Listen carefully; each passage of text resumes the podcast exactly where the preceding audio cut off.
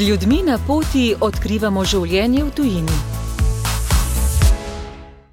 Prek Skypa smo se povezali s Polono Rosulnik, ki že nekaj let živi in dela na švedskem. Lepo zdrav. Ja, zdravo, najlepša hvala za povabilo. Kaj je potrovalo odločitvi za selitev na švedsko, koliko let jo že spoznavate? Jaz sem se preselila leta, konec leta 2015 uh, in sicer je bila situacija čisto naključna. V bistvu sem končala medicinsko fakulteto tukaj v Ljubljani in sem ravno takrat zapadla v tisto obdobje, ko javni zavodi niso zaposlovali in uh, sem imela neke težave dobiti staž in sem bila takrat zelo, zelo motivirana, da bi jaz pa začela delati. Je takrat partner um, ravno bil premeščen v Štokholm.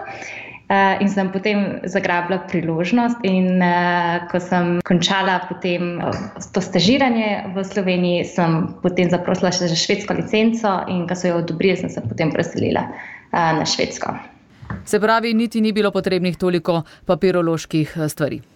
Ne, v bistvu je šlo presenetljivo, zelo hitro in zelo gladko. Poslala sem samo kopijo svoje licence, pa še neko potrdilo o nekaznovanosti, in v bistvu na tanko čez tri mesece, v bistvu sem imel tok rok za procesiranje vloge, sem dobila v bistvu samo na nekem papirju potrditev, da sem pridobila tudi švedsko licenco in to je bilo to. Kako se na švedskem gradi karijera? Je težko začetniku in še tujcu, ali je tako pestra narodnostna podoba, da je lažje kot tukaj? Ja, uh, jaz bi rekla, da so švedi zelo odprti do vseh.